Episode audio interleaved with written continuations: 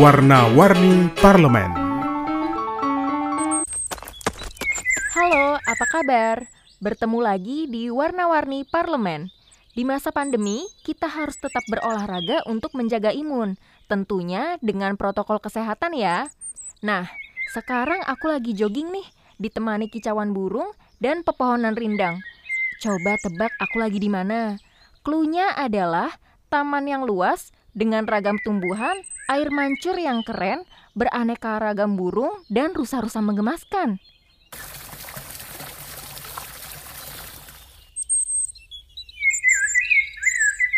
Kalau tebakannya ini kawasan puncak, kebun raya Bogor, salah besar. Percaya gak sih kalau tempat seasri ini ada di pusat kota Jakarta? Percaya dong, karena aku sedang berada di hutan kota DPR RI. Rasanya luar biasa berada di hutan, tapi kok di tengah kota. Pohon beraneka jenis, tinggi menjulang, lingkar pohonnya bahkan ada yang lebih satu meter, jadi lebih besar dari satu pelukan orang dewasa.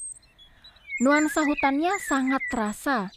Kalau kita bersuah foto di sini dan cerita kalau kita sedang berada di hutan belantara, semua pasti percaya.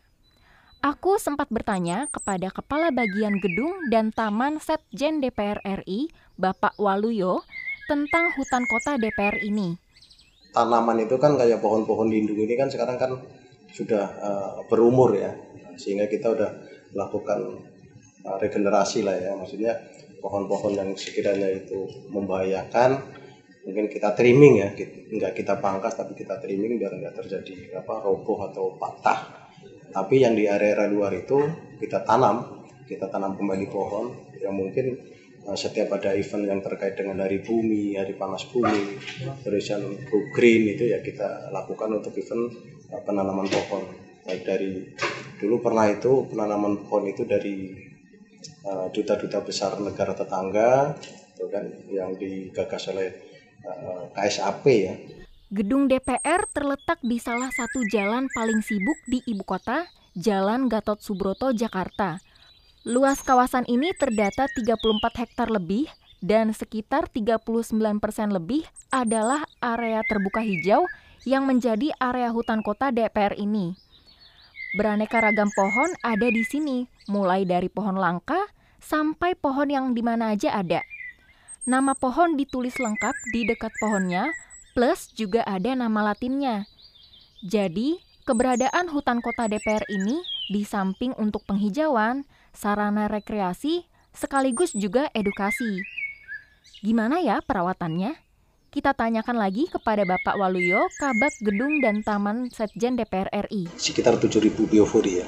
Biofori itu kan untuk biar tanah itu tetap apa menyerap air terusan air itu tidak ke mana lah dalam proses untuk pembuatan biofori itu kan uh, ada kompos ya yang dimasukkan itu. Setelah terendam air itu kita angkat itu menjadi kompos. Lah kompos itu nanti buat uh, dimanfaatkan untuk pohon-pohon uh, uh, pembibitan pembibitan pemupukan gitu kan. Sehingga pohon-pohon ter, ter, ter, terjaga.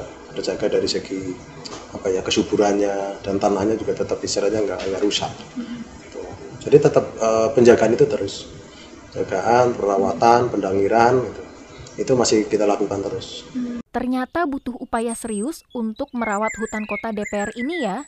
Tentunya ini bagian dari komitmen wakil rakyat untuk membangun kawasan hijau sekaligus merawat lingkungan. Apalagi hutan ini juga dilengkapi dengan taman rusa yang cukup luas. Seru loh menyaksikan rusa berlarian di padang rumput yang juga bagian dari taman kota. Nah, pastinya banyak yang penasaran ikut berkunjung ke hutan kota DPR ini. Boleh aja kok, tapi harus datang dengan mengajukan surat kunjungan resmi bersama sekolah, kampus, atau organisasi masyarakat.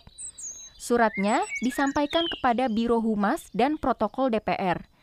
Di samping menikmati waktu di hutan kota, ada kesempatan tour building meninjau ruang sidang anggota DPR, ruangan bersejarah, dan berkunjung ke Museum DPR. Pasti akan jadi pengalaman yang mengesankan. Udah ya, aku mau ngasih makan rusa kecil dulu ya. Lucu deh rusanya.